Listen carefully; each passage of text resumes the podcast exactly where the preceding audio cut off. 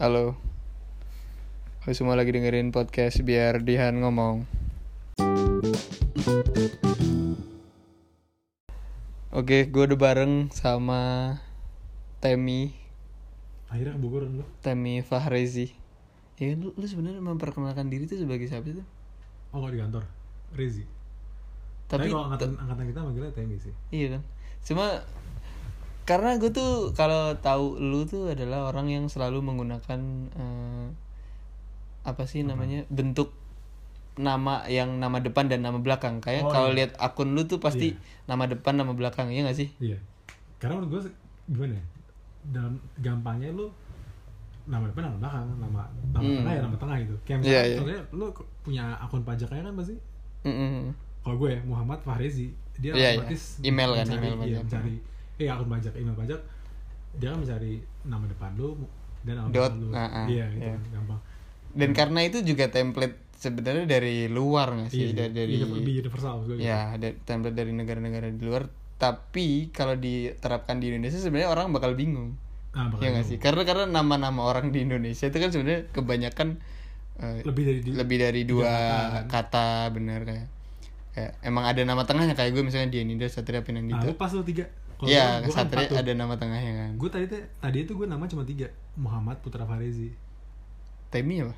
nah itu gue ditambahin ketika kalau nggak salah SD deh Lah lah lah lah, Masa lu lahir tanpa ada nama Temi? Akta pertama lu berarti nggak ada Teminya? nggak ada Oh itu Jadi revisi berarti? lihat akta gue akta gue kayak anak-anak yang zaman sekarang aktanya baru kalau lu kan yang warna mungkin warna kuning kalau nggak salah ya Oh iya. iya kalau gue tuh yang biru Teminya baru ditambahin ketika SD. Singkat gue SD karena waktu gue kelas 6 SD gue mau lulusan nih. Hah. sedangkan nama gue tuh udah berubah sesuai, sesuai dengan putusan pengadilan. Ya kan?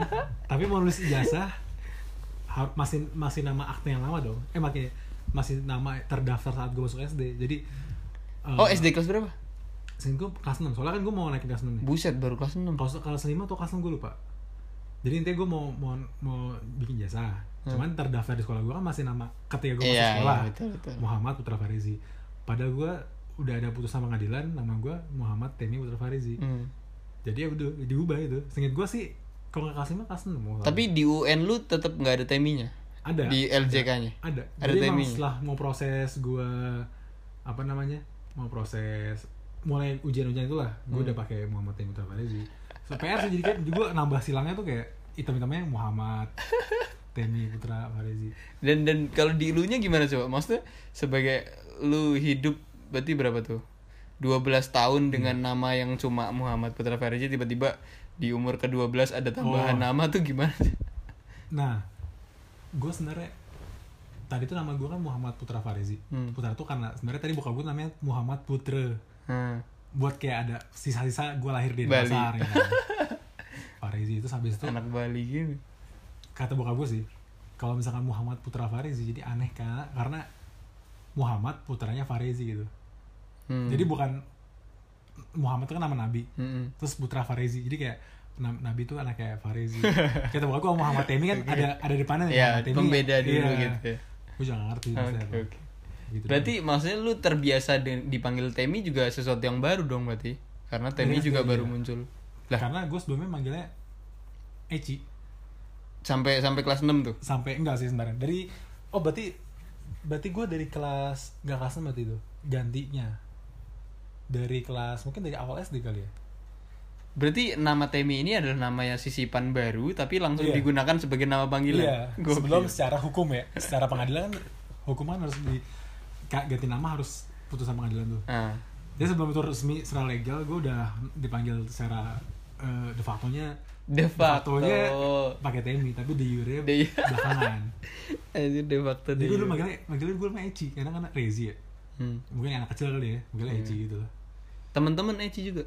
Temen-temen Eci dulu, juga Hmm. waktu, waktu gue TK lah, makanya waktu gue di Medan tuh manggilnya Eci Baru sampai Jakarta awal-awal SD seingat gue dah Temi. Iya Temi itu lu minta sendiri dipanggil Temi Nah, atau? sih gue juga gak ngerti kenapa Ya udahlah Sedangkan itu membuat orang bingung gitu nama gue Temi. Karena setiap gue ngomong Temi, orang akan nanya dua kali.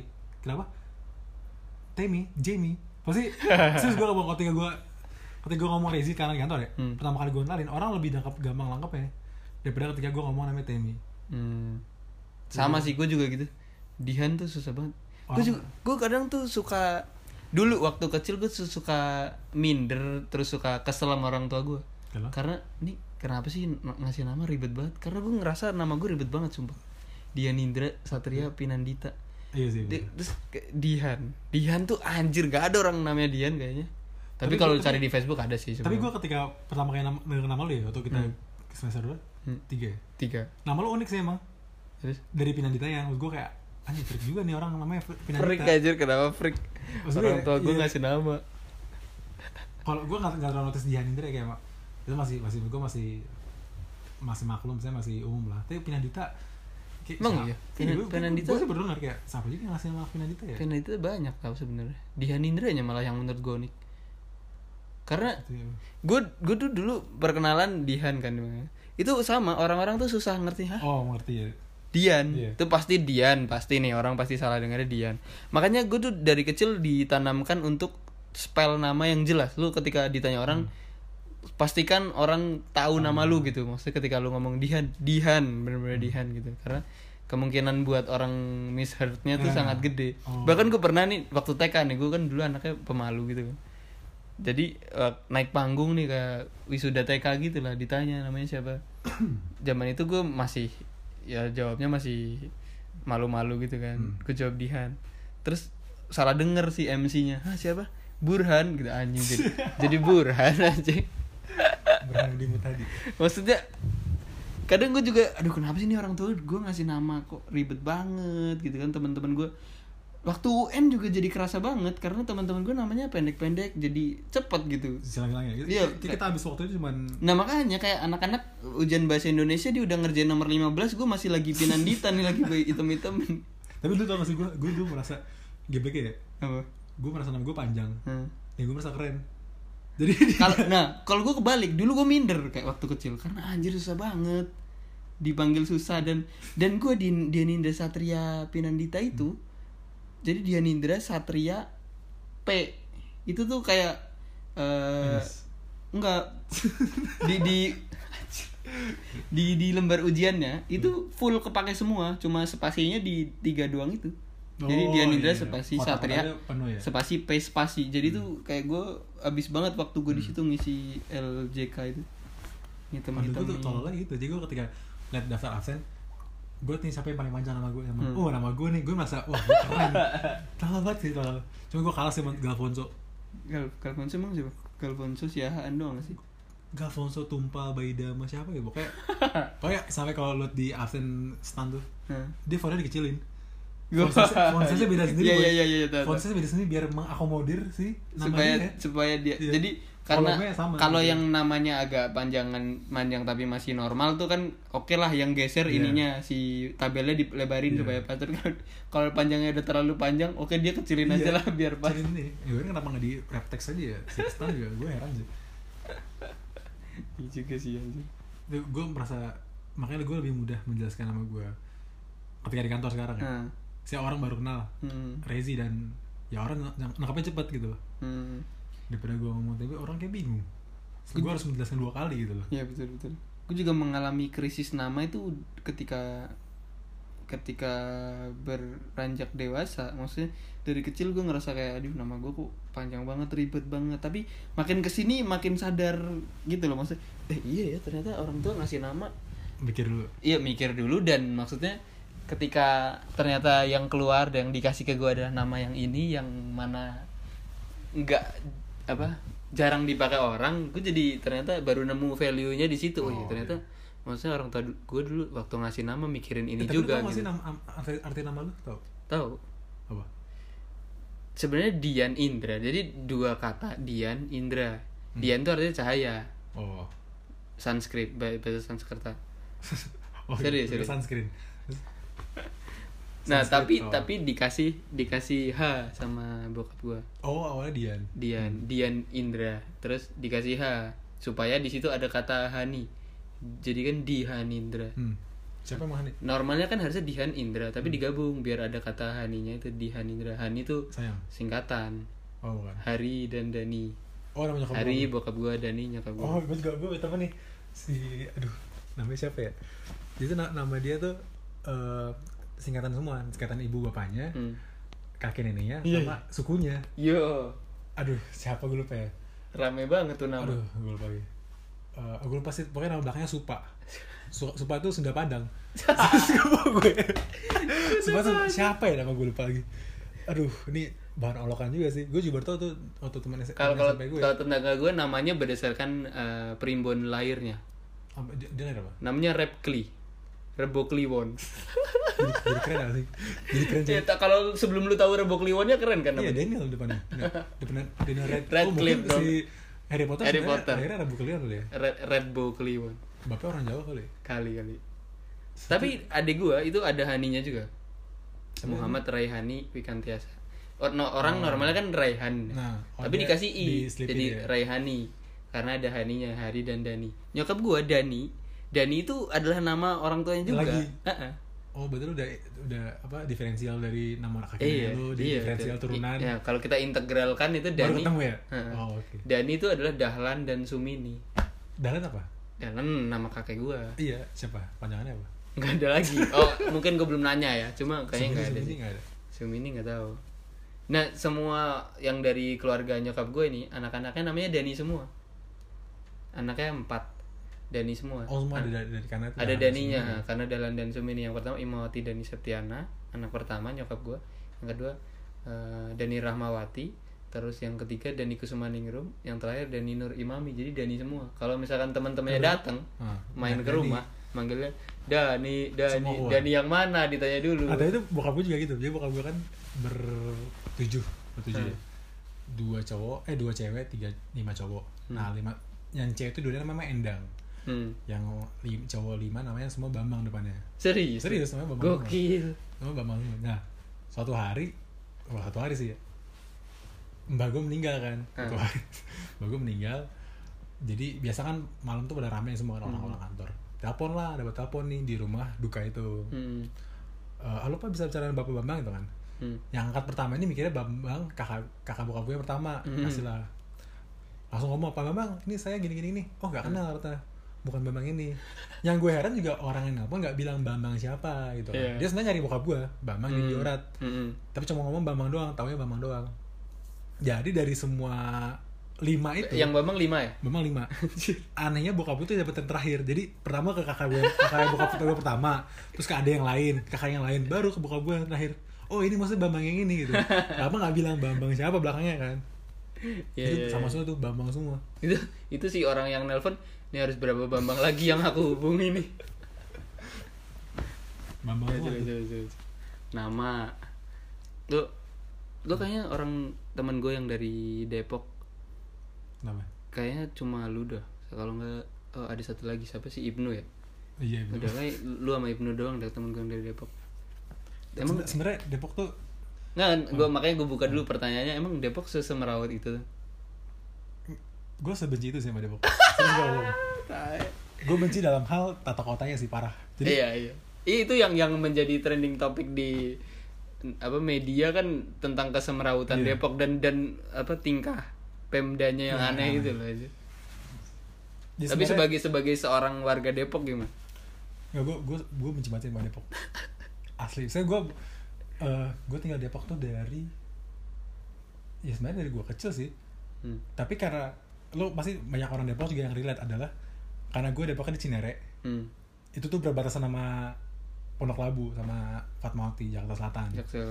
Sedangkan gue juga gue dari SD SMP SMA Hmm. semua sekolah di Jakarta. Jakarta. ya. Pasti juga orang-orang Depok yang ngakunya kayak nggak mau dibilang orang Depok bukan nggak mau sih. Gue sih gue sih pasti state kalau gue tuh KTP Depok, gue tinggal di sini Depok.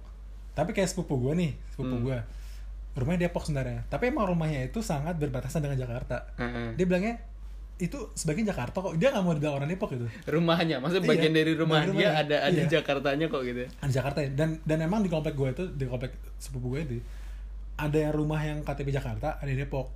Padahal sebenarnya itu kalau gue di Maps itu semua masuk ke administrasi Depok. Jadi si sepupu gue tuh nggak mau keluar orang Depok. Dia bilang Jakarta. Gue juga gue juga kadang men- di kan sering ya di diseritain ah lu kan orang Depok gitu.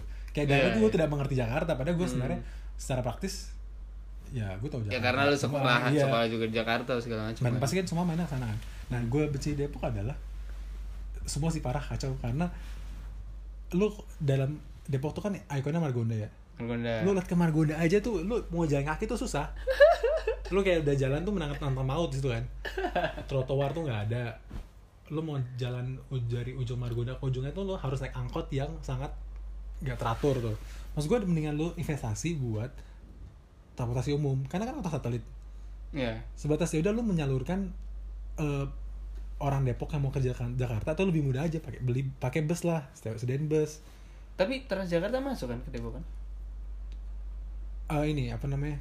Kayak feeder bay feeder bay bahasanya ada feeder. Oh, feeder dia doang ya. karena kan dia dia kan di bawah BPTJ tuh Badan Pengelola Transportasi Jakarta. Jadi masuk ke Depok ke Jabodetabek nggak maksud gue di Depoknya aja tuh Hmm.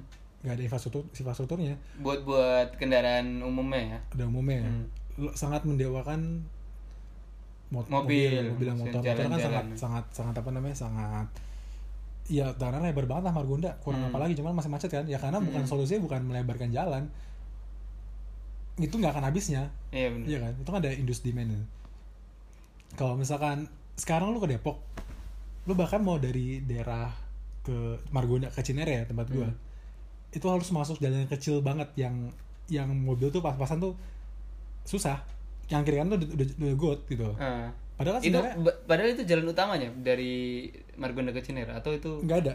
Jadi nggak ada jalan utama. Jadi ketika lu mau dari Cinere ke Margonda itu nggak ada nggak ada jalan utama. jadi lu harus jalan masuk. utamanya adalah jalan gang itu. Iya. Sedangkan orang di kalau lu orang di Cinere itu kan mau ke Jakarta dekat ya. Hmm. karena kan sebelah Nah dari Cinta mau ke Margonda itu kan sama-sama Depok sebenarnya. Ya, Cuman tuh susah banget, lu harus muter dulu. justru ke- lebih susah ya. Iya kalau yang emang jalan gede banget lu harus ke Simatupang tuh. Atau nggak jalan yang kecil situ. Eh, apa namanya? Sawangan. Nah, gue ngerti sih pokoknya. Lebih sering ini sih pem- Pemda itu bikin lomba ngaji lah, lomba apa. Serius gue Ya, gak itu, itu itu rame banget sih. Depok tuh unik yang yang tiba-tiba di lampu merah disetelin lagu Iya. lah. Aduh, solusi kemacetannya nyetel lagu di lampu merah nih. Gue gue nggak ngerti gimana cara dia berpikir sih. Maksud gue tidak seharusnya menurut gue ya, ketika dia terpilih wali kota, dia Hmm. tidak seharusnya me- tugas dia utama tuh bukan menjadi pemimpin agama gitu. Hmm. Ya bukan bukan di moral sektor gitu Iya. loh. Karena kan maksud dia pejabat publik ya benahi dulu gitu iya, kan yang publik ya kan publiknya dulu. kepentingan bersama kan karena ya kepentingan bersama kan di situ nggak hanya orang Islam nggak hanya orang Betul. yang naik mobil nggak hanya orang yang eh, apa namanya beragama harusnya ada juga orang-orang yang tidak beragama kan Hmm. dia seharusnya ya memperbaiki dulu yang orang pakai semua ya jalan Hmm. akses tapi dia tapi ntar lagi ini pemilu pilkada pilkada Ini dia udah dua periode. satu jadi sebenarnya itu dia sebelumnya jadi wali kota Oh. jadi sebenarnya wali kota sebelumnya ini Hmm. dia sama eh, wali kota kan Nur Mahmudi Hmm. terus dia itu wakilnya uh, Nur Mahmudi dua periode dia nyalon jadi wali kota kepilih lah Hmm. tapi setahu gue sekarang dia nggak nyalon deh setahu gue ya Udah bentar lagi ya pilkada ya? iya gue nggak bakal Kan ini Oh. lu berjurdil. Oh, ini iya. asas ini nggak ngerti aja. Cuma lu pilih siapa? gue nggak tahu siapa itu sebenarnya kalau kalau gue nyalon ada yang milih nggak ya Nggak ada lah. Lu kerja ini dulu, masuk partai dulu, giring masa dulu. eh kan bisa ini dulu independen kalau ngumpulin KTP KTP banyak fotokopi KTP Lah masalah menang apa enggaknya? Secara bisa enggaknya bisa kayak gitu, cuma kan tetap suaranya. Tapi si Margonda ini gue kemarin lihat di Twitter eh, ada orang yang bikin simulasi gitu tau gak sih? Apa? Yang game yang tentang oh iya kota. Uh, City Skyline ya, Ya, oh iya terus terus dia bikin simulasi Depok itu Iya, lucu banget lucu banget anjir. sih. Yang oke kita bikin jalan lurus, udah nggak usah dikasih trotoar, langsung aja kasih toko. Iya, benar, benar. Itu jalan dua arus gitu. Eh du- dua arah gitu. Udah itu macet banget terus terus dia bikin environmentnya bener-bener mirip sama Depok ya yang stasiun ya kan Iya bener. di stasiun juga aneh karena jadi kalau kan gue dulu gue kan De- selalu eh, ini Depok lama ya. Depok lama aneh Depok baru aneh Depok baru gue belum pernah turun Depok baru. jadi gue tiap hari kantor kan PP tuh naik kereta Depok baru Hmm. Jadi kalau misalkan gue pulang kantor nih, pulang kantor sampai stasiun Depok Baru, gue tuh ke keluar pintu yang ke arah barat. Hmm. Jadi kan nih eh, stasiun nih bisa arah barat, ada dua pintu nih, Hmm. Arah barat, arah timur, ya kan. Kalau lu keluar di arah barat, Hmm. lu nggak bisa nyebrang ke arah timur tanpa masuk stasiun. Jadi kalau orang lu nggak, lu tidak penumpang KRL, lu ada di posisi barat di luar stasiun, Hah? lu mau ke timur lu harus masuk dulu bayar tiga ribu gak bohong gue gue pernah gitu jadi gue jadi gue Emang nggak ada nggak ada JPO yang gak ada JPO nya Lah anjir.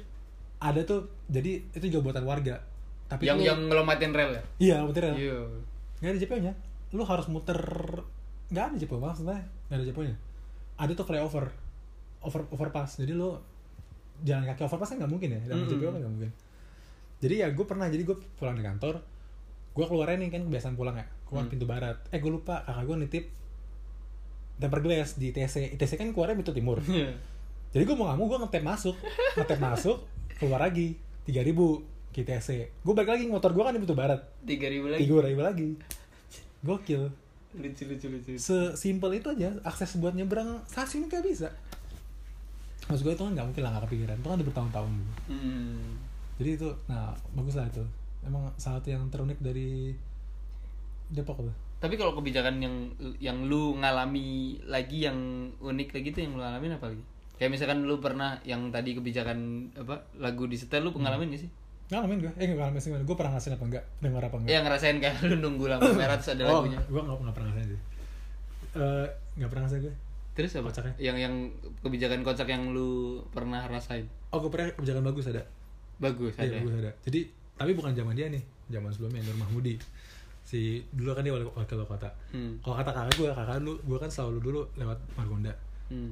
Jadi tuh dia, dia membuat aturan tiap hari Rabu nggak salah apa Senin. Oh. PNS Pemda Depok tuh nggak boleh naik mobil. Oke. Harus naik angkot. Gokil. Jadi sama kata kakak gue tiap hari itu jalan sepi banget, macar lancar semua. tiap hari Rabu. Iya. Tiap hari, iya tiap hari di- ditentukan itu buat setiap PNS tuh harus naik ber- angkot. berarti yang bikin macet selama ini PNS. Nah itu PNS kayaknya. Berarti seberapa PNS ya? Sampai Iya, itu. bikin macet anjir. Ya karena setiap orang bawa mobil sendiri-sendiri. Nah itu satu orang satu box besi itu buat mobil satu orang sendiri. Sedangkan kalau naik naik bus satu bus aja tuh bisa berapa coba? 40 40 orang. Banyak banget ya. Gokil sih. Terus yang yang yang kebijakan anehnya nggak ada yang lu rasain. Aduh gua kok- kalau misalkan ditanya gini pasti bingung gue. Tapi kalau misalkan gue Tapi yang lagu itu motor. beneran ada kan? Beneran di setelin kan? gue secara pribadi nggak pernah sih ngeliat. Tapi gue nggak tahu kata kalau di berita ada. So, ah, soalnya gue pernah lihat di berita emang beneran di setelin lagu Iya. dia. Gue pernah gue pernah video juga tuh. Terus si flyer apa banner-banner apa lomba lomba ngaji. Ngaji, iya. Karena dia, dia sering banget tuh muncul saya lomba apa tilawah ada muka dia kan. Nah gue juga gue juga gue gue adalah banget. kebiasaan orang Indonesia ya, politisi apa senang banget mampangin muka gak sih di baliho Hmm. misalkan Yang, misalkan yang no konteks gitu. Maksudnya ini ini bukan produk produk dari apa kebijakan dia, tapi ditempel-tempel aja muka dia. iya kayak gitu kayak misalkan apa namanya pokoknya seneng banget ya kayak ngucapin harus banget pakai apa orang pakai tangannya di Hmm. apa sih namanya Bener bener. bener. dan muka dia ditunjukin Di atau enggak misalkan ini lah apa namanya eh, kemarin tuh po- poster new normal hmm. ada seneng itu mukanya juga so gue maksud gue dan itu banyak kan Oh iya, tapi kalau yang sukanya kalau bikin bikin tapi terus rombongan, maksudnya banyak ya yang digabung dan dan semua masuk kayak Iya, misalkan benar. dari, dari dikumpulin tuh jadi maksudnya kita jadi nonton orang-orang ini gitu.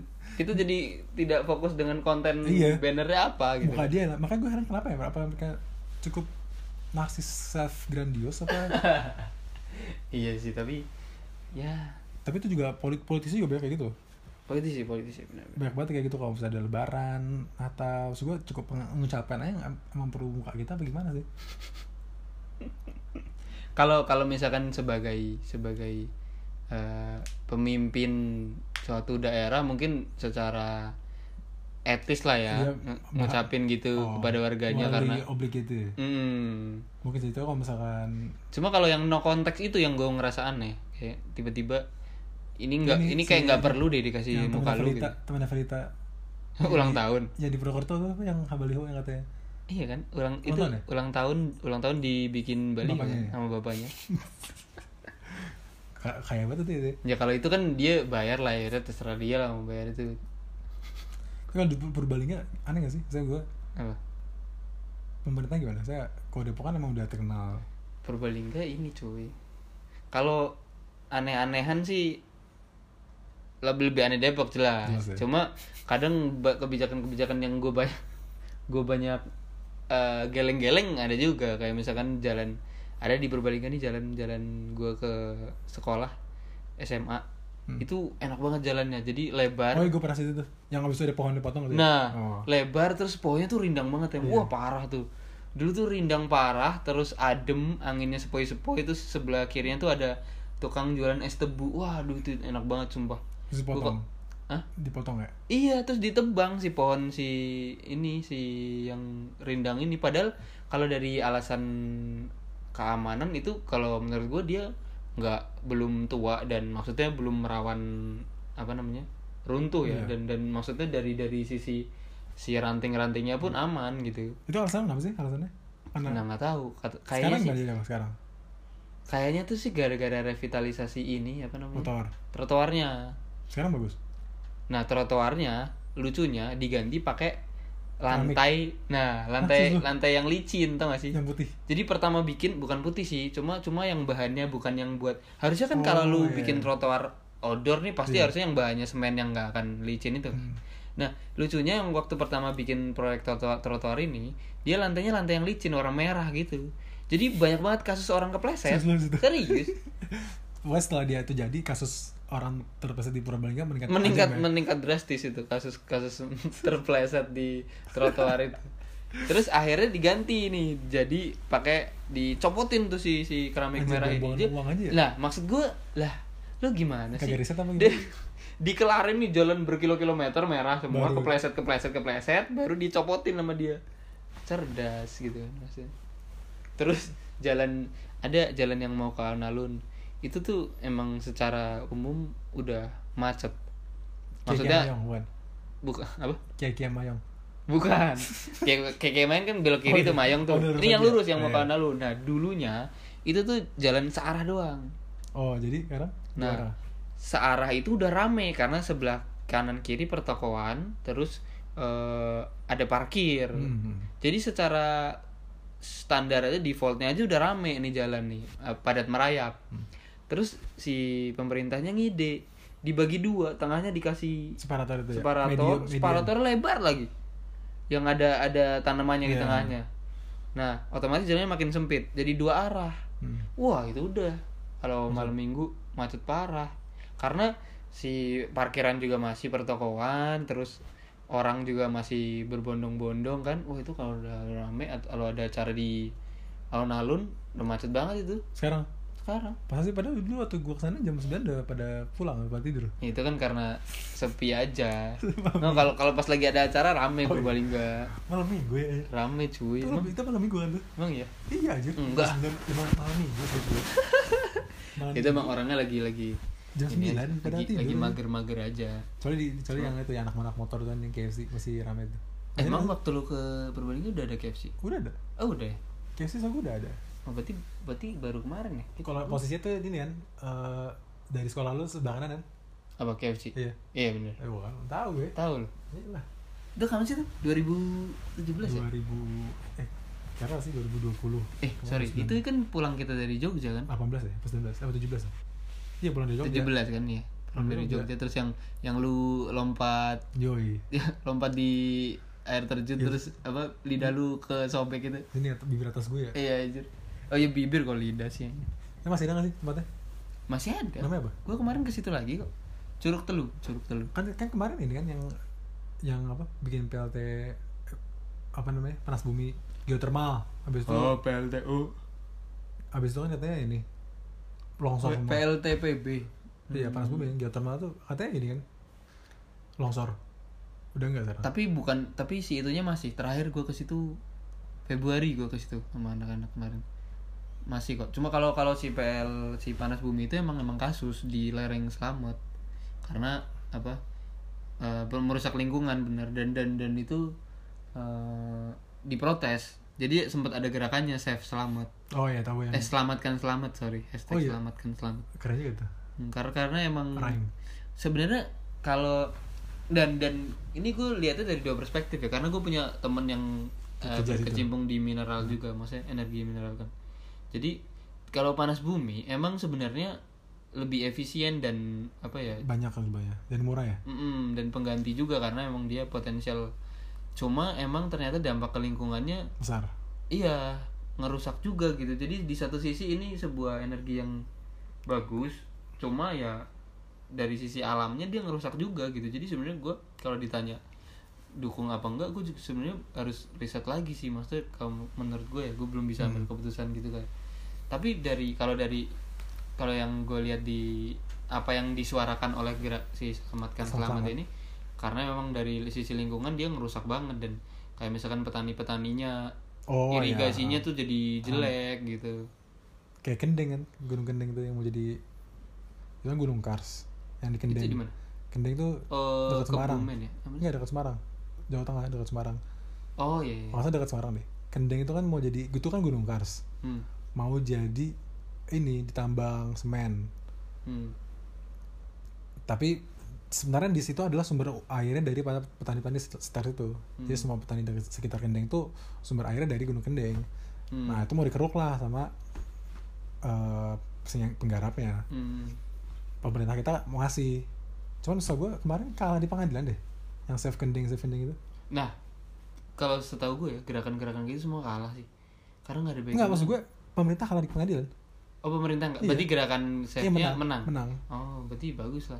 Karena se- menurut gue banyak gerakan-gerakan yang eh, kayak gitu kalah kan? kalah pengadilan kalah di pengadilan karena ya musuhnya pemodal iya besar benar dan dan ya otomatis backingannya gede kan kayak kayak yang si selamatkan selamat itu kayaknya setahu gue juga kalah gara-gara si eh, lawannya ini backingannya udah sampai level siapa sih ini ya penggarapnya apa sih? PT apa gitu gue Sae. Eh eh eh energi. Ya pokoknya namanya PT Sae yang ramenya. Nah dia ini katanya backingannya udah sampai ke makanya lanjut terus. Oh serius? Iya. Ya bisa gitu sih emang. Lu butuh butuh politisi pasti biar mereka main. Dan dan dan kalau semak semakin gue nonton dokumenter-dokumenter tentang itu ya maksudnya eh, ketika udah ngomongin power itu aspek lingkungan rusak dan dan dan misalkan ada hmm. orang-orang yang kehilangan pekerjaan di situ itu jadi kayak hal yang remeh gitu bagi mereka. Gue kalau lihatnya ya. Kayak misalkan petani yang irigasinya rusak gara-gara proyek itu itu tuh bagi mereka kayak hal yang remeh gitu.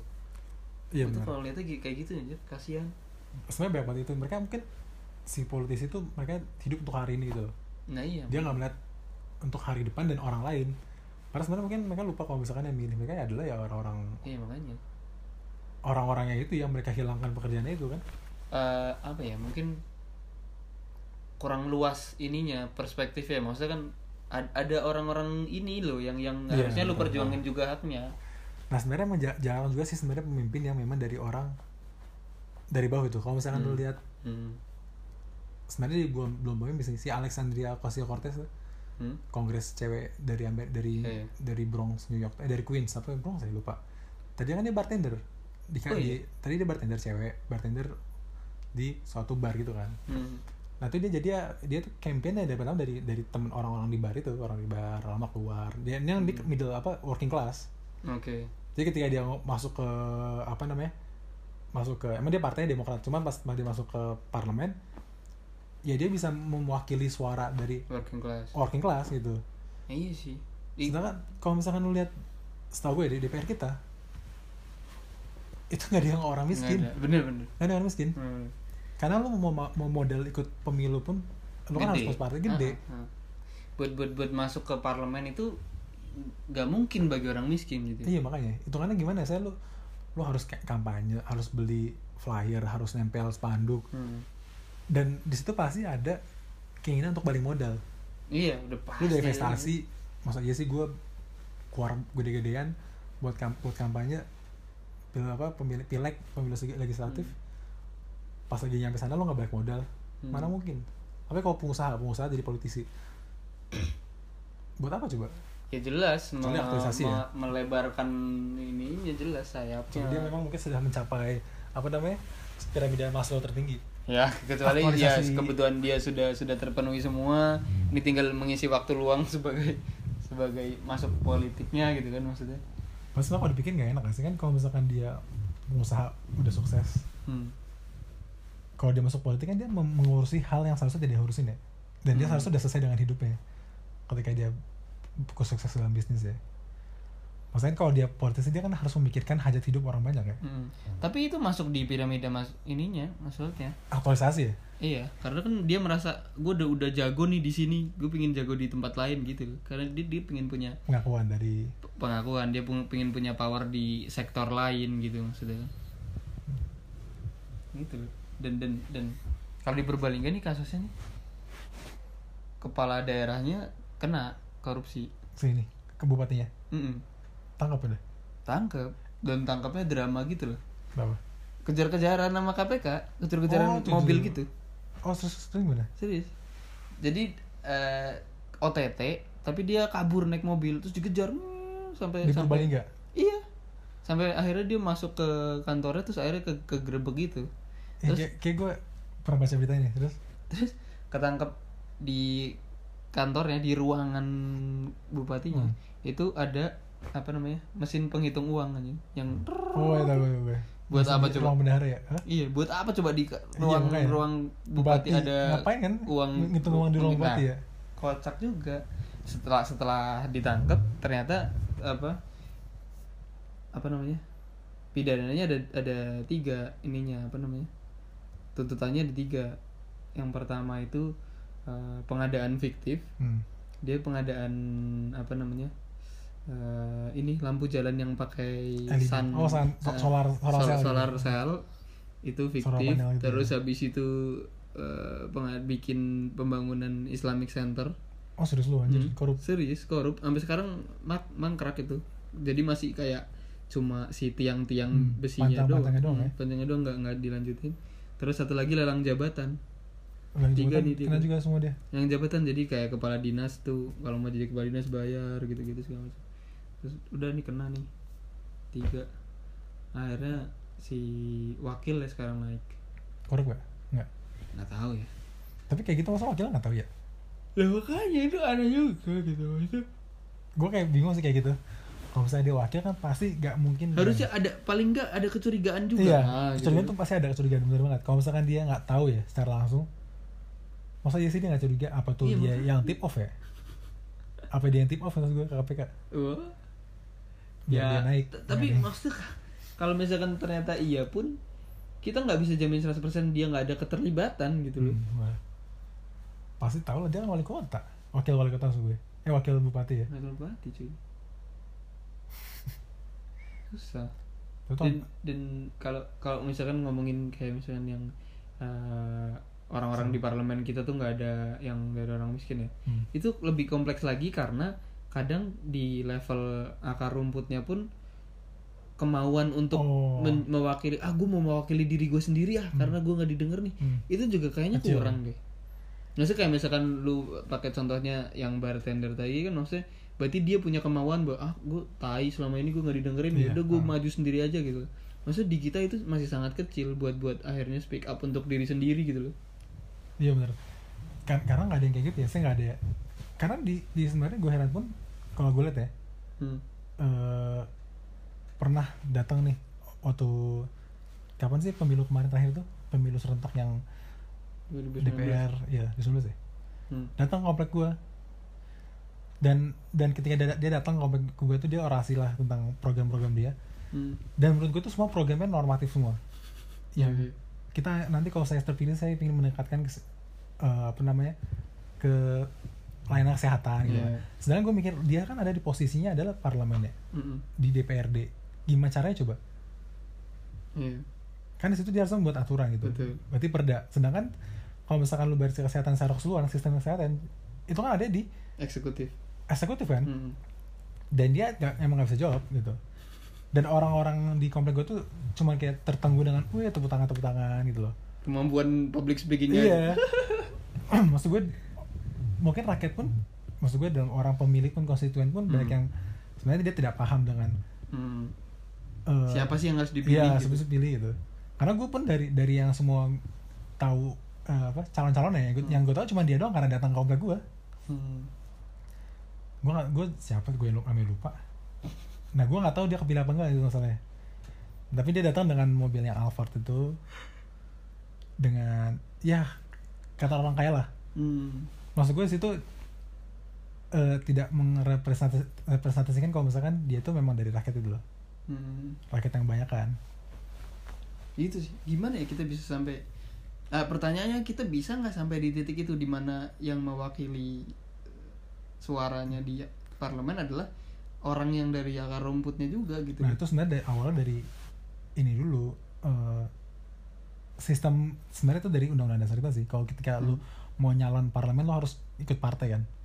Ya sedangkan lu masuk partai aja apa dan juga lu dicalonkan oleh partai itu kan nggak gampang. Lu harus betul. punya modal untuk kampanye segala. Hmm. ya kalau misalnya orang-orang kayak tukang beca mau nyalok gimana caranya coba? Iya. dia mungkin hidup day to day butuh uang udah syukur gitu kan. Iya. gimana dia mau mikirin buat uang kampanye? Hmm. pasti yang orang-orang kaya lah yang punya modal itu. Yang punya yang bisa yang bisa kampanye gitu kan. Dan sebenarnya kayak di zaman sosial media sekarang sebenarnya lebih gampang ya media sosial kalau sosial media sih Hmm. ya misalnya cost kampanye bisa lebih kecil karena dia bisa campaign di ya Media buat, buat sosial gitu. ngumpulin masanya bisa lebih kecil cuma maksudnya sistem buat masuknya yang harus tetap pakai partai dan dan itu sangat susah buat lepas dari yang namanya Politik modal uang. besar Iya. iya. susah lah kayak orang tukang beca ya gimana orang dari hari ke hari dia butuh uang udah Hmm. gimana mau mikirin mau nyalek kan Hmm. pasti dia mikirin perut dia dulu lah dan keluarga dia Iya. Nggak- si si PSI yang kayaknya agak apa revolusioner dan dan apa pemikirannya lumayan keep up dengan yang sekarang juga modelnya gue yakin gede juga itu. Gede itu pasti. Maksudnya walaupun oke millennials dan dan cara campaign yang Hmm. nggak norak misalnya, tapi gue yakin di situ juga gede juga. tapi sebenarnya gue kecewa juga sih sama PSI ternyata ketika ketika dia berseberangan eh dia ketika oke lah dia part bagaimanapun dia partai ya dan dia Hmm. punya suatu hal yang didukung Hmm. tapi gue pikir PSI itu adalah yang kayak lu bilang tadi millennials adalah Hmm. menyuarakan suara kita ya Hmm. orang-orang muda tapi ternyata ketika eh, tokoh yang didukung itu melakukan hal yang salah dia Hmm. tidak bersuara juga gitu maksud gue Hmm. jadi bukan bukan ada moral kompas parameter yang standar yang Bener, jelas tapi parameternya adalah orang itu. Kalau orang itu melakukan A ya dia didukung. Ketika Hmm. B dia dukung itu bukan bukan parameter bukan yang Oh, bukan objeknya ya. Maksudnya bukan bukan, Bukan- suaranya yang di dipegang tapi ketika orangnya iya bukan ngomong, moralnya iya. Uh-huh. jadi benar atau salah itu bukan dari tindakan tapi dari orang yang lakuin. Hmm. kalau orangnya si A yang melakukan apa pun jadi dia dia dukung aja. Kalau ha- hal pun salah dia nggak dukung cuma dia diem tidak mengkritik tapi ya, bagaimanapun dia partai politik ya jadi dia harus berpolitik juga iya sih itu yang itu yang nggak yang nggak ya karena mikirin. karena karena buat masuk ke ke lingkungan partai-partai itu juga PSI struggle juga cuy Iya kan lah, dia juga sore kalah ya. nggak masuk kan ya sebenarnya cukup menjanjikan sih kemarin awal-awal tuh Iya, karena kan nama-namanya juga tokoh-tokoh muda yang cukup vokal kan Iya, makanya kan. Anjir. Cuma ya itu, kalau kalau ngomong ini adalah suara yang terwakilkan itu masih masih jauh banget sih kita. nggak jarang banget sih gue belum tahu sih siapa yang yang seperti itu di DPRD DPR ya Hmm. gue gak pernah dengar malah kayak siapa ya Nggak ada anjir. yang memang merakyat ya Iya. so gue nggak ada dan itu kapan-kapan lagi kita pemilu Yang serentak lagi kapan ya berarti ya? 2024 ya? udah sempat ya oh baru, baru tahun lalu ya Apa? anjay baru tahun lalu baru tahun lalu 2019 iya ya? baru tahun lalu kayak udah lama banget itu maksud gue udah lama banget kayak di- Gara-gara corona kali. Jadi kerasa lama banget. membatalkan semua ya Iya. Tapi ya sih, jadi- tapi enggak sih. 2020 kerasa cepet gak sih? Tiba-tiba udah Juli aja. tapi kalau THR dan gaji doang juga terasa lama Ya. Mungkin- fix ya? Iya sih. Gaji 13 juga katanya kan sama pemberiannya kayak THR Iya, THR cuma gaji pokok doang. Main lah. bayarlah uang kurban Iya. si si Cip si Cip, si Cipal gue bilang lo kurban Cip aduh gimana ya berapa sih emang ayam berapa Anjir, ayam ayam. anjir berapa ayam kurang asem Aduh gue pengen pulang anjir tapi nggak bisa sih. Nggak apa lah kan rapid Tai doang. emang 2020 nih dua bulan dua lebaran gue lewatkan di perantauan anjir. Baru kali ini. Eh, nih ya dua, dua tahun lo oh karena dua le- dua dua lebaran dua, dua lebaran Oh, iya. idul fitri Ah. sama idul adha kan gue baru pertama kali cuy lebaran idul fitri nggak di rumah baru kemarin nih jadi abis sholat id cuma fit call fit call gitu aduh sedih banget kan lo itu kan di kawasan di kawasan siapa itu yang yang pada gua. mana kosan lu tuh ya kosan gue anak-anak bawain makanan kemarin. 2019 sebenarnya kerasa banget tuh bahagia sih 2019 tuh. 2019 bahagia lah bagi kita karena kan oke mulai kerja terus lingkungan baru. Ketemu cewek gue cek gue ketemu aduh. Siapa? Itulah.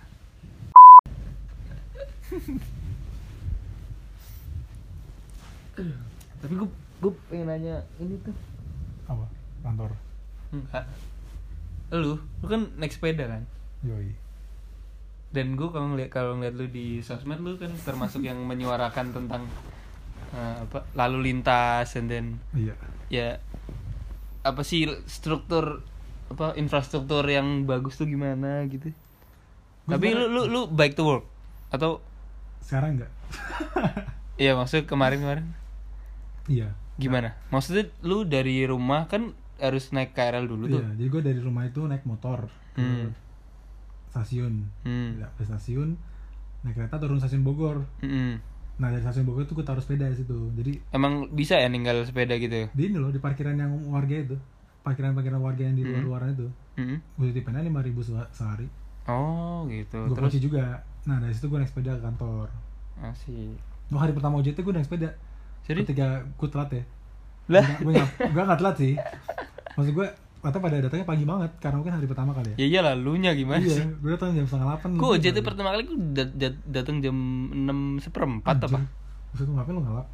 Ya enggak, ngumpul dulu di depan karena kan ngumpul sama anak-anak OJT-nya dulu. Apel dulu apel. Hmm, ngumpul aja ngumpul kenalan kan belum pernah ketemu. Gue datang agak siang terus gue masuk ke TPT pada ngumpul ya. Ini pada rapi-rapi gue doang yang keringetan anjir. Terus gue keringetan sampai Gue tuh gue bawa handuk kecil dan gue ngelap ngelap ngelap ngelap muka mulu ngelap muka ngelap tangan. Kayak gue hari pertama gue udah lusuh gitu baju gue udah baju putih kan. Baju putih kena keringet coba.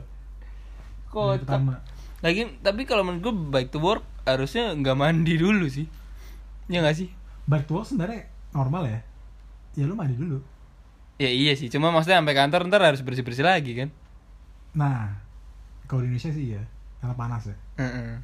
kalau misalkan gue sebenarnya juga ini gue model tahu tuh dari Twitter doang kali ya gue liat gue Hmm. liat, liat orang nih dia sering nge-retweet uh, akun-akun yang concern sama sepeda Hmm. gitu terus gue akhirnya follow juga Hmm. sama urbanis urbanis Tapi Indonesia. kalau Indonesia akhirnya gue follow follow yang yang dari Belanda profesor Hmm. Belanda gitu kan Kalau wah Belanda kan udah advance Nah. banget tuh. sebenarnya emang orang kan mikirnya gini kayak ya udah itu kan Belanda Indonesia enggak sebenarnya Belanda di tahun 70-an itu Hmm. sama kayak kita Iya, iya. Jadi dia bikin bikin underpass, bikin tol dalam kota, bikin overpass. Hmm. Sampai akhirnya kalau lihat kanal-kanal Belanda itu banyak yang tadi itu ada jalan raya. Jadi kanal-kanal yang di, Jadi kali. dari kali. Oh iya serius. Iya. Jadi mereka mengurangi eh, apa namanya? lahan untuk mobil bergerak. Makanya itu jadi disentif orang naik mobil, jadi orang naik, naik sepeda. Karena dulu tuh banyak banget anak-anak yang meninggal ketabrak. Jadi ada Tahun 70-an tuh. Antara 60 atau 70 gitu gue lupa. Hmm. Jadi ada namanya kayak gue apa bahasa bahasa Belanda apa ya? Pokoknya pembunuhan anak lah, kids murder gitu. Hmm. Karena saking tingginya angka kematian anak akibat- akibat Hmm. ketabrak mobil. Hmm. Nah, situ akhirnya banyak orang yang mulai eh, apa namanya? campaign buat ini udah keterlaluan nih kelewatan gitu. Terlalu banyak anak-anak yang terbunuh akibat ketabrak mobil. Hmm. Ya mungkin gayung bersambut sama pemerintahnya juga melihat kayak oh kita harus berubah nih reformasi tata kelola kotanya akhirnya mereka mulai beralih dengan sepeda yang murah karena kalau lu mikir Hmm. infrastruktur sepeda Murah banget. sama ya. murah, murah banget daripada lu infrastruktur mobil Bener. lu mobil mau bikin parkiran di mall satu orang satu mobil dia bisa bikin ratusan mo parkir mobil kan Hmm. kalau sepeda paling space seberapa sih Cuma 10 meter muat berapa iya meter? banyak banget sepedanya dan jalan jalannya pun nggak nggak perlu selebar lebar mobil kan Hmm. cuman paling lebarnya 2 meter udah cukup banget 4 Iya. meter udah udah dua arah gitu kan dan jauh lebih murah daripada infrastruktur mobil Iya. Cuma em- emang emang buat memulai dan Nah. sampai dengan di tahap advance itu butuh waktu yang lama banget kan Iya, maksudnya. emang jadi kalau dibilang kita saat ini adalah Belanda tahun 70 gitu berarti Iya. kan kita masih butuh puluhan tahun ke depan buat bikin infrastrukturnya ideal buat para pesepeda ya iya sebenarnya juga sih saya bisa lebih cepat harusnya ya bisa lebih Iya cepat kan? sebenarnya kalau tuh zaman kali corona ini sebenarnya itu jadi kayak titik- Trigger. titik, iya titik baik Ah. trigger yang baik buat orang tuh mulai berubah pemahamannya Hmm. eh yang kayak gue pernah lihat juga di Twitter kalau misalkan sayangnya orang-orang yang di Instagram itu sering juga menjadi mendiskreditkan orang yang mau itu karena beneran gitu loh iya benar-benar benar. ya orangnya ah ini mah orang orang cuma buat cari story doang gitu kan Hmm. walaupun satu ya buat emang kalau kalaupun story, kalaupun iya kenapa ya, ya gitu bagus juga kan Iya, maksudnya kenapa? gitu kan bagus juga kan jadi dia mempromot hal yang baik gitu Hmm, hmm. kenapa lu perlu eh, apa ya saya kayak nyenyain orang-orang yang Hmm. naik sepeda ya kenapa sih juga hidup hidup dia itu satu Iya. itu yang kedua juga dia nggak nggak rugiin lu gitu kan Hmm. Cuma kalau misalkan ada pesepeda yang yang kayak barbar di jalan Oh, itu juga iya. nggak benar juga gitu Iya, kan. nggak benar juga We're, we're not endorsing them gitu. iya benar ya pertama itu juga harus tahu kalau misalkan penggunanya nggak kita doang kan Ya, dan, dan orang Indonesia itu kadang masih merasa sepeda itu bukan kendaraan. nah Jadi dia punya privilege gitu. Padahal maksudnya menurut gua sepeda itu ya kendaraan yang ke- kewajiban di lalu lintasnya itu sama juga lampu merah ya Iya, berhenti benar. juga gitu. Iya. Karena kadang masih apalagi di di misalkan di daerah gitu ada yang ngerasa kalau lampu merah motor berhenti, sepeda enggak, Iya, sepeda jalan terus gitu. Padahal kan ya berhenti juga harusnya. pas sebenarnya gue gue juga pernah awal pernah gitu sih gue gitu gue juga pernah kayak gitu tuh jadi gue pernah mau lampu merah pun gue terobos gara-gara gue nontonin ini nontonin YouTube-nya Terry Berenstein dia itu dia Aduh. youtuber di New York dia New York biasanya New York dia naik sepeda gitu kan keliling New York City lo nonton deh sekali kali Oh, aku tahu yang yang ini kan yang yang sukanya ngepot-ngepot gitu kan, Iya. yang ser ser ser ser gitu. Hah? apa tuh mana Maksudnya yang yang kencang banget naiknya Iya. kan? Iya, gue tahu. dia, dia naik fiksi Hmm. naik fiksi gitu kan kadang orang nyebrang pun orang nyebrang sama dia dilewatin depannya gitu padahal udah Hmm. udah orang tuh duluan kalau nggak misalkan dia lampu merah nih dia tuh nerobos glasonnya cok aja Gue liat beberapa video kayak gitu sih, yang terus dikasih musik terus wow wow gitu. itu ya gue lupa sih itu terus dia kayak nyelip, nyelip- yang yang gue pelajarin dia, dia adalah dia tanjakan dia pegangan mobil Hmm. jadi gue dulu waktu dulu gue gitu juga kalau misalkan tanjakan nih ada angkot paling enak angkot soalnya jendelanya kebuka itu kan Hmm. jadi tangannya masuk gampang tapi gue pernah gue pernah juga geblek banget deh gue Hmm. pernah banget dari kantor eh dari stasiun mau kantor jadi kalau dari stasiun Bogor itu gue mau mau masuk ke eh mau ke area area jalan Juanda eh jalan Juanda itu ke Hmm. Bogor Hmm. dari stasiun kan agak nanjak dikit tuh dikit doang sih sebenarnya Iya, ya. nanjak banget gak sih itu tuh anjir? Yang mau ke Surya Kencana kan itu nanjak oh, banget. oh itu nanjak banget emang Tapi lu lewat situ juga kan? enggak Enggak ya? enggak Oh, udah udah ini ya di arah sebelah sananya. ya? iya kalau dari stasiun Bogor nih cuma nanjak dikit sebenarnya sih Hmm. depan gue ada mobil nih Brio ya kan? Hmm. gue mau pegangan di handle pintu belakang kiri ya kan Handle pintu ya kebuka lah anjir lu Ya kacau. itu, makanya Masa pegangan di handle? iya kan gue mikirnya gue mikirnya kalau gue nariknya ke belakang nggak nggak ke ke arah apa namanya buka pintunya nggak Eh. kebuka gitu kan tapi ternyata mo- mobil lagi belok kanan jadi gue mau nggak mau gue ketarik Jir. dan dan itu gue yang paling, yang paling konyol gue adalah pintu kebuka orangnya nengok ke belakang gue gue juga liat sama dia itu lucu banget sih. Halo lu, ngapain, Bro? gue kayak gue pas besar besar gue bego itu gue juga nggak menjelaskan sorry atau apa gue langsung.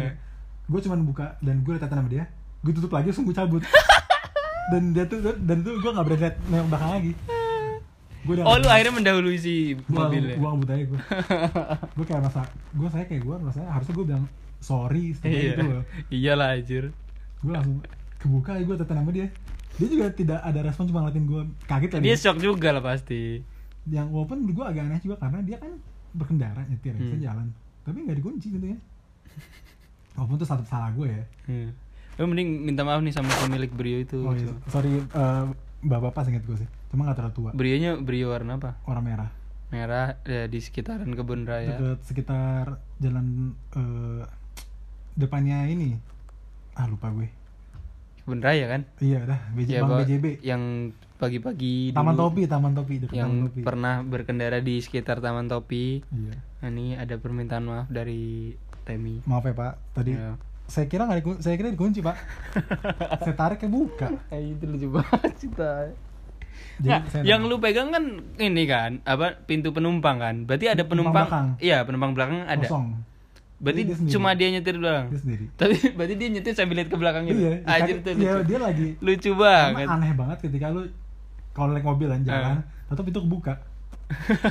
Aneh kan pasti? Dia pasti nggak ke belakang dan dia langsung berhenti gue juga berhenti. Dan gue liat sama dia tuh liat liatan tanpa ada berkata apa pun gue tutup lagi. Gue tutup lagi gue cabut. Bayangin kejadiannya tuh lucu banget Tay. ya gue jadi gue jadi trauma tuh megang handle pintu mobil karena gue kalau nggak angkot paling enak angkot tuh. Angkot mobil aja bak lah. mobil bak. Ya kalau mobil bak nggak apa-apa lah. Apa sebenarnya tuh emang bahaya sih. Iya. Bahaya. Ntar jadi gue kayak jadi pesepeda yang salah juga kan Hmm, hmm. ya udah yang bener-bener aja lah ya Ya. patuhi lalu lintas tapi yang masalah infrastruktur sepeda emang bener sih maksudnya di kita eh, karena ka- karena emang baru banget ya kita Hmm. baru sadar bahwa oh iya ternyata ketika sepeda lagi rame nih kita kita butuh diatur nih gitu loh maksudnya Iya. selama ini kita tidak merasa sepeda butuh diatur gitu kan baru dianggapnya tidak yang tadi dibilang tidak Mm-mm. bukan sebagai kendaraan nah sekarang baru barulah ada jalur sepeda Hmm. khusus tambahan kan terus eh, makin banyak Diperluas. rutenya gitu kan diperluas bahkan sekarang di Sudirman udah ada sepeda sewa kan yang Iya. tinggal pakai nah kalau gue ya gue memang merasa eh, belum aman bersepeda di Jakarta karena Enggak, oh. sangat nggak aman bener makanya gue gue kan kemarin beli sepeda fiksi nih Hmm. Tapi gue ganti fix gear. Gue nggak nggak pakai fix gear. Karena Oh, gue takut. yang single single speednya ya? Mm, Ah. mm, mm. single speed dan dan nggak yang fix gear yang ini torpedo. Oh ya yang jadi kan ya jadi gue ganti pakai yang biasa karena gue takut. Karena gue ngerasa anjir nih di Jakarta kalau pakai fix gear ngeri. Kalau misalkan tiba-tiba harus ngerem mendadak atau Iya. misalkan gimana gimana gitu kan. Akhirnya gue ganti yang gear biasa dan dan langsung gue tambah rem depan gue kasih Iya. lampu. Penting sih rem sebenarnya dan di Jakarta sebenarnya mau gimana pun sepanjang apa pun jalur sepeda hmm. tetap aman kalau misalkan campur iya benar harusnya tuh dia namanya protected bike lanes jadi eh trotoar hmm. jalur sepeda Hmm. apa Baru namanya kendaraan. on street parking jadi mobil parkir itu oh baru jalan raya jadi antara pesepeda dengan jalan raya itu ada mobil parkir hmm. tentu ada separa- separator ya jadi antara Hmm. jadi itu ada rasa aman karena kalau ada mobil ngaco pun yang nabraknya Hmm. mobil parkir dulu iya iya benar bukan bukan langsung pesepeda nah itu yang itu yang belum ada di Jakarta juga kalau lu lihat gini ke mana namanya Gunawarman hmm. itu kan kafe-kafe semua kan kafe-kafe Iya. semua orang tuh pada parkir di trotoar mobil Iya. dicek Iya. aja bener bener, bener. itu itu udah udah zolim tuh anjir ya nih mas memakan memakan apa namanya Eh, bukan hak dia bukan hak dia Hmm. yang masih masih buruk banget lah di, di Jakarta lah setidaknya masih lebih baik daripada di Bogor ya di Bogor sepanjang KRP doang ada jalur sepeda selain itu ya udah nggak ada lu harus you, Iya, on, iya. you on your own Hmm. di kalau di gue bisa paling jalur sepeda GPK doang sih gue kalau muter-muter GPK itu pun maksudnya ya langsung los habis jalur sepeda samping lu udah langsung Iya. mobil gitu kan Hmm. karena orang masih mikirnya ya eh lu tuh sepeda buat olahraga doang hmm. bukan sebagai moda transportasi yang kayak lu bilang Hmm. padahal sebenarnya kan kayak auto yang Grab Wheels lagi hits tuh Hmm. sampai mau diatur gitu kan Hmm. menurut gua nggak boleh di trotoar menurut gua itu terlalu apa ya terlalu protektif terhadap suatu moda transportasi yang selama ini belum orang tuh belum anggap sebagai moda Hmm. ada skuter listrik nih bilang bahaya ada Iya. yang lebih bahaya naik mobil yang dengan kecepatan ratusan kilometer itu Bener, bener, bener. belakang orang. Kalau kalau di Singapura nih lu bakal melihat hal biasa. Orang kantor naik otopet. Pasti lu bakal Hmm. itu suatu hal yang kanak-kanak kan. Karena kita kan dulu main kantor gue ada loh. Ada yang otopet? Pegawai kantor gue ada yang naik kayak kayak grab wheels gitu. Oh bagus tuh berarti. Gak tau pusat saya banyak ada gue ya. gue kemarin lihat. Eh lu kan bisa sewa tuh kayak Bills sebulan tuh. Ah 400 sebulan? Iya. Oh bisa sebulan? Bisa sebulan. Dia gue Nah, pernah pengen pindah daftar cuman di Bogor nggak ada jadi dia dia dia punya sendiri bukan sewa. Jadi dia parkir terus habis itu gue lihat dia keluar lah ini kok bawa apa nih orang? Tiba-tiba ser lah naik ke alright. Tadi kepotong karena sudah limit satu jam. Maklum ini adalah podcast gratisan. Lu nggak ny- nyambunginnya nggak nyambung gitu. Gimana gue? ya ntar gue nyambung manual gue oh manual bisa. sambungin. Itu si, si temen si temen lu tuh gue Dia- bukan temen gue sih eh, Orang kantor tapi gue nggak kenal. Nggak dia bawa otopet parkir di kantor. Parkir di kantor. Dan jadi keluar kantor udah pakai otopetnya itu? Iya. Tapi yang biasa bukan listrik? Listrik Oh, listrik kayaknya. ya? Dia nggak nggak genjet genjet si itu gue pernah mikir gitu tuh. Apa? Beli itu casnya di kantor. Kan kalau cas di gua di kosan habis berapa ya gue? Tapi Beli itu pulsa token. sih Cik? ya baterai. Baterai. Iya aki baterai juga sih. Baterai itu. Baterai baterai yang maksudnya yang kayak colokan. Tapi Grables juga kan colokan. Iya Grables colokan. Dia baterai bisa di ya bisa dicas ini Grables tuh pernah ada ini yang gue bilang. Lu bisa langganan per bulan. Jadi ntar dia udah nganter ke tempat lu. Hmm. tapi Jadi- sekarang ini udah nggak ada? Setahu gue masih ada deh. Ntar lu kayak ngisi Google Form nanti dia ngirimnya kapan gitu. Tapi ke Bogor tuh nggak ada. Kemarin gue pengen langganan kalau nggak salah tuh empat ratus ribu apa lima ribu gue lupa deh. Menurut gue lumayan lah. Jakarta. Jakarta. Tapi di Jakarta juga udah, udah sepi lagi deh nggak ada lagi deh. Ya apa, apa, emang aja. udah dihentiin ya?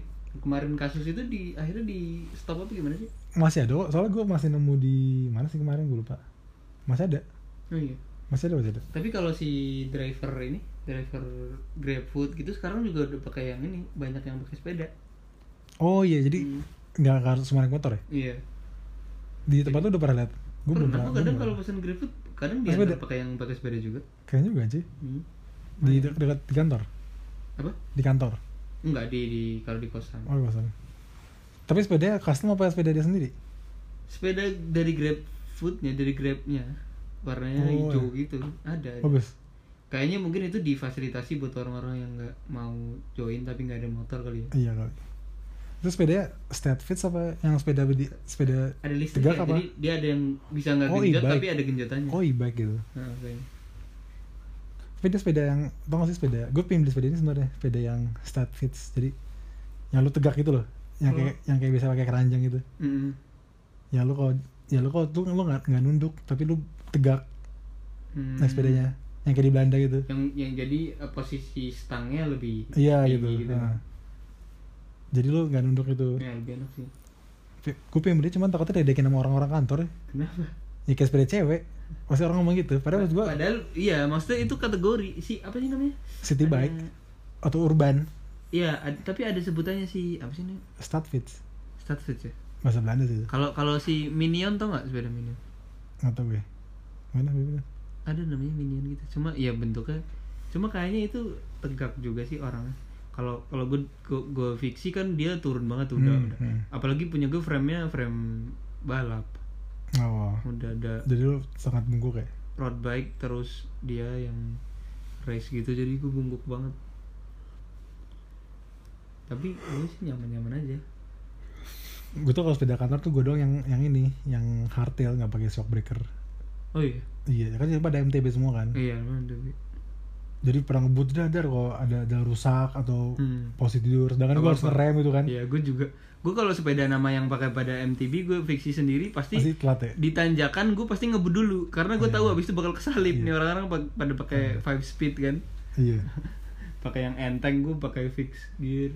Ya pakai single speed doang kan. doang kencang sih sebenarnya. Ya kan? Kencang. Cuman- cuman cuma kalau ya itu capek banget iya. berat banget kan tadi gue juga ada di bawah tuh. Itu apa? Fiksi? Iya fiksi. Hadiah dari itu. Bokap gue menang hadiah tuh door prize. Serius iya. Dapet tuh fiksi? Fiksi ya asik loh bukan gue gue gak pernah lu menang menang hadiah gitu? Gue eh gue kemarin dapet ya? Oh kemarin dapet gue hari uang tuh. Dapet blender nih blendernya gue di kaki gue Anjir. gue juga gue juga hoki tuh kemarin. Gua dari kayak- hari uang mandi di man, dapat dari mandiri Lah kok mandiri sih? diundang jadi hari uang Hmm. Kamil gue tuh ngundang mandiri Hmm. KPPN biasalah BC Oh, BPJS gitu PC Bogor. Jogor Hmm. Ya nggak usah ketawa lu. BC gue tuh ada siapa oh enggak nih kira nih nggak ada dan kalau misalkan kata lu gue pengen kata lu pernah nanya gue kan keresahan gue di kantor tuh Hmm. Apa? Setelah gue setelah di kantor gue menyadari gue kangen kampus Karena apanya yang dari kampus yang lu kangen? gue kangen diskusi setara Oh. dalam artian kalau misalnya di kampus lu dan dosen hmm. lu masih bisa berdebat iya iya iya Bener-bener. posisi lu masih sama walaupun di dosen Hmm, karena karena walaupun mungkin dia lebih tua tapi pengajar kan kayak punya punya nilai-nilai untuk ya memang dia membantu pelajar Iya, apa hmm, siswanya bangsat buat siswanya buat berpendapat gitu kan. Sebenarnya itu gue yang jadi gue selama ini gue merasa bukan tertekan sih gue merasa ada yang an, bukan aneh juga. Inti gue ada yang miss dari kantor gue ada yang ngerasa kurang lah di kantor tuh. Iya itu. Atau gue ngerasa kayak gue kangen kampus. Di aspek diskusinya. iya asli Bener diskusinya. Benar sih. Karena eh, karena kalau kalau kita kan pernah satu kelas ya Hmm, kalau gue gue tuh belajar kalau gue diskusi benar. kalau gue cuma dengerin orang kayak e-learning nih gue sama sekali nggak nggak berfungsi buat gue e-learning Hmm. dengerin slide orang ngomong tuh gue sama sekali nggak ngerti karena gue ada nggak ada engagement sama sama Hmm. teman kelas ataupun sama dosennya.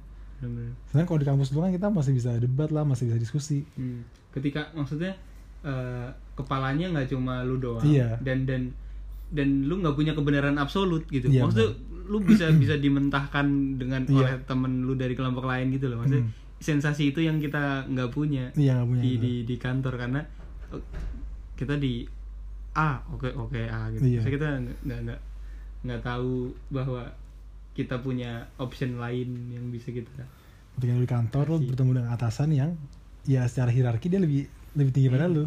Mau apa coba? Makanya itu yang gue rasa gue rasa jiwa-jiwa apa ya? Bukan pemberontak sih. Pembelajar iya itu gue bahasa lu dihalusin aja tuh sebenarnya. Ya kan belajar kan? Itu yang gue kangen dari dari apa namanya? Dari Iya, kampus. peer review itu. Iya gitu kan. Ngomong sama temen. Mm-mm. kalau di kantor ya ketika lu punya argumen A walaupun menurut lu bener Hmm. tapi atas lu bilang B ya udah B jadinya. Iya sih itu iya banget anjir. Gue kalau misalkan sama kasih gue sih gue masih bisa ber berargumen sih. Hmm. walaupun toh akhirnya pun tetap B gitu kan. Setengah gue masih ada kepuasan untuk menyampaikan argumen gue. Ya dengan ya dengan dengan keyakinan yang gue bener itu. Kalau kasih gue kalau yang lain enggak tapi ya paling enggak semoga itunya nggak hilang ya. Maksudnya ke kita mungkin tidak bisa mengubah eh, apa Budaya misalkan situ. udah dikasih A kita nggak akan bisa ngubah si A itu jadi B. Cuma paling enggak kita bisa bisa ngasih tahu bahwa eh, si B ini paling enggak kita bisa ngasih tahu pendapat kita loh gitu. Hmm. jangan sampai ngasih tahu pun nggak bisa itu. Iya, kalau kalau udah kayak gitu Hmm. bahaya sih. Makanya kalau, kalau misalkan makanya gue bilang sebenarnya kalau kasih gue sih bisa hmm. gue dan gue dan gue masih berani untuk ngomong ngomong itu ke dia. Dan dia pun orangnya nggak akan marah sebenarnya. Dia lu mau mau lu argumen sekuat apa pun walaupun akhirnya pun B Hmm. tapi dia nggak akan marah kalau lu masih ngotot gitu. Ya ya fairnya dia gitu dia nggak akan marah. Enak sih gitu. Cuma tetapnya beda lah sama diskusi di kampus kan. Dosen pun kita tidak ada tekanan gitu Iya. loh maksudnya. Udah kita mau berpendapat atas apa yang menurut kita benar kan nah itu nggak ada nggak ada apa sih kalau bahasa keren itu? Oh, relasi kuasa ya? Apa? nggak ngerti. Jadi gue pada pokoknya dia karena itu konteks apa? Hukum ya? Enggak sih ya oh, hubungan. Communication. Apa? Maksudnya apa? Penjelasannya apa? Jadi posisi gue tuh di ta- posisi tawarnya rendah. Ya, karena dia atasan gue. Hmm. Jadi kalau gue misalkan gue minta sesuatu hal gue nolak Hmm. susah juga karena dia atasan gue Hmm. gitu ataupun gue merasa gue bener tapi dia tapi dia berkata yang lain susah juga karena dia atasan gue sekali lagi Iya, gitu iya, bener. kayak itu susah hierarki hierarki dan Hmm. bergaya walaupun dalam do, walaupun sama dosen pun ya kita ada apa namanya hubungan antara dia ngasih kita nilai ya Mm-mm. cuman nggak sekuat atasan dan bawahan itu karena memang hakikatnya harus diskusi kar- kalau Iya, di kelas gitu. Iya. maksudnya dos- dosen pun nggak bisa nggak bisa memaksakan. Tapi ada juga sih gue kesel juga sih sama dosen yang yang menghambat lu untuk Diskusi. diskusi, iya. Dan dan punya pendapat lu sendiri. Kalau gue gue pernah gini itu kalau nggak salah PPN tapi bukan Pak Faisal. Bukan Pak Faisal. Dia kayak project aja itu Pak Faisal ya? Kak lu manggil kak. Kok bisa? Ya kan kayak kayak gue pernah cerita juga tuh tentang si tugasnya Pak Faisal ya yang mana? yang Wingdings Oh. Iya. ini gue pernah PPN tapi bukan Pak Faisal gue Hmm. lupa semester PPN si inilah Pak Benny. Eh bukan. itu mah dia ini PPN juga ya Potput pasti dia PPN Benny Potput cuy Pak Faisal itu PPN lab ya dia. gue lupa deh Eh bukan, dia PPN yang PPN. Kalau PPN lab- awal lab tuh beda kita beda kelas Mm-mm. lab tuh itu gue lupa siapa namanya kalau nggak salah sekarang dia dia tuh ngajar dia tuh kalau misalkan dia balik ke Jakarta doang Hmm.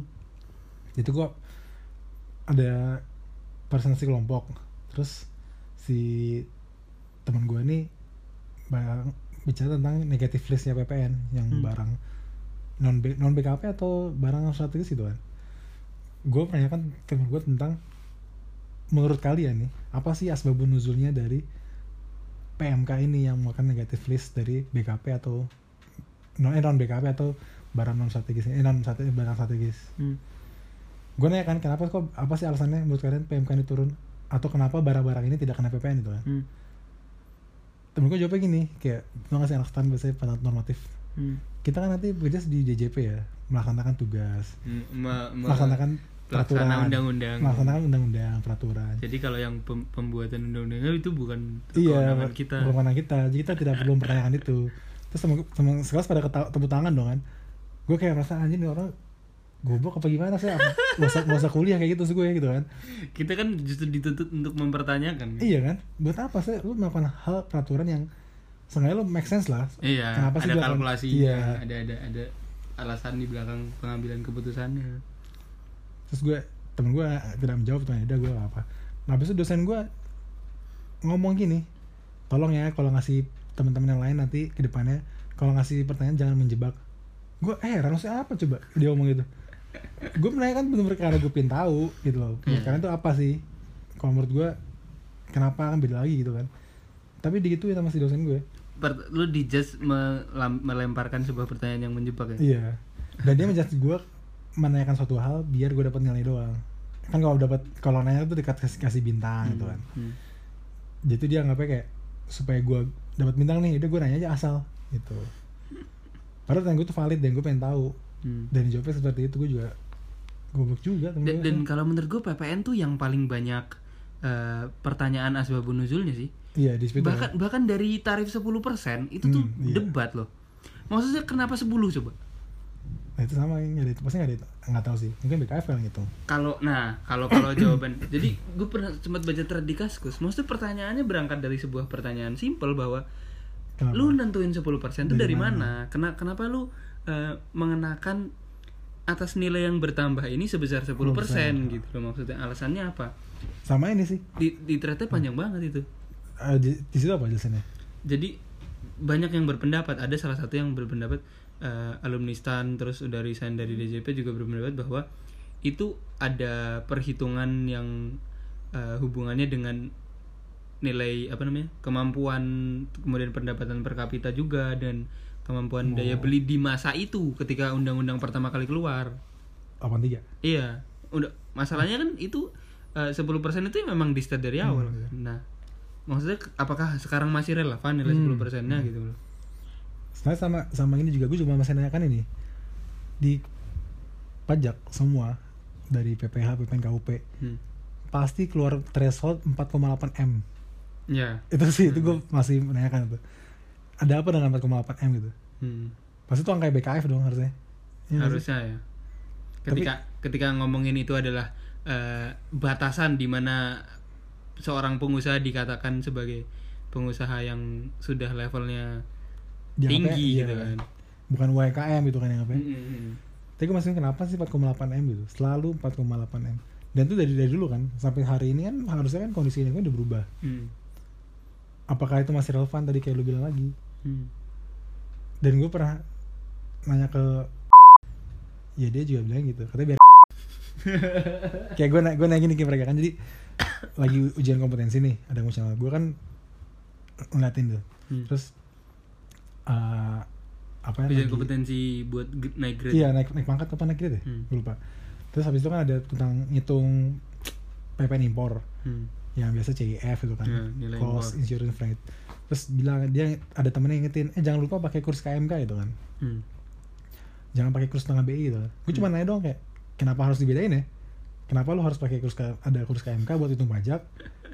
Kurs yang benar-benar lu bayarkan kurs bank ketika lu transaksi kalau misalkan lu mau hitung PPN harusnya kan berapa yang lu bayar sebenarnya kan Hmm.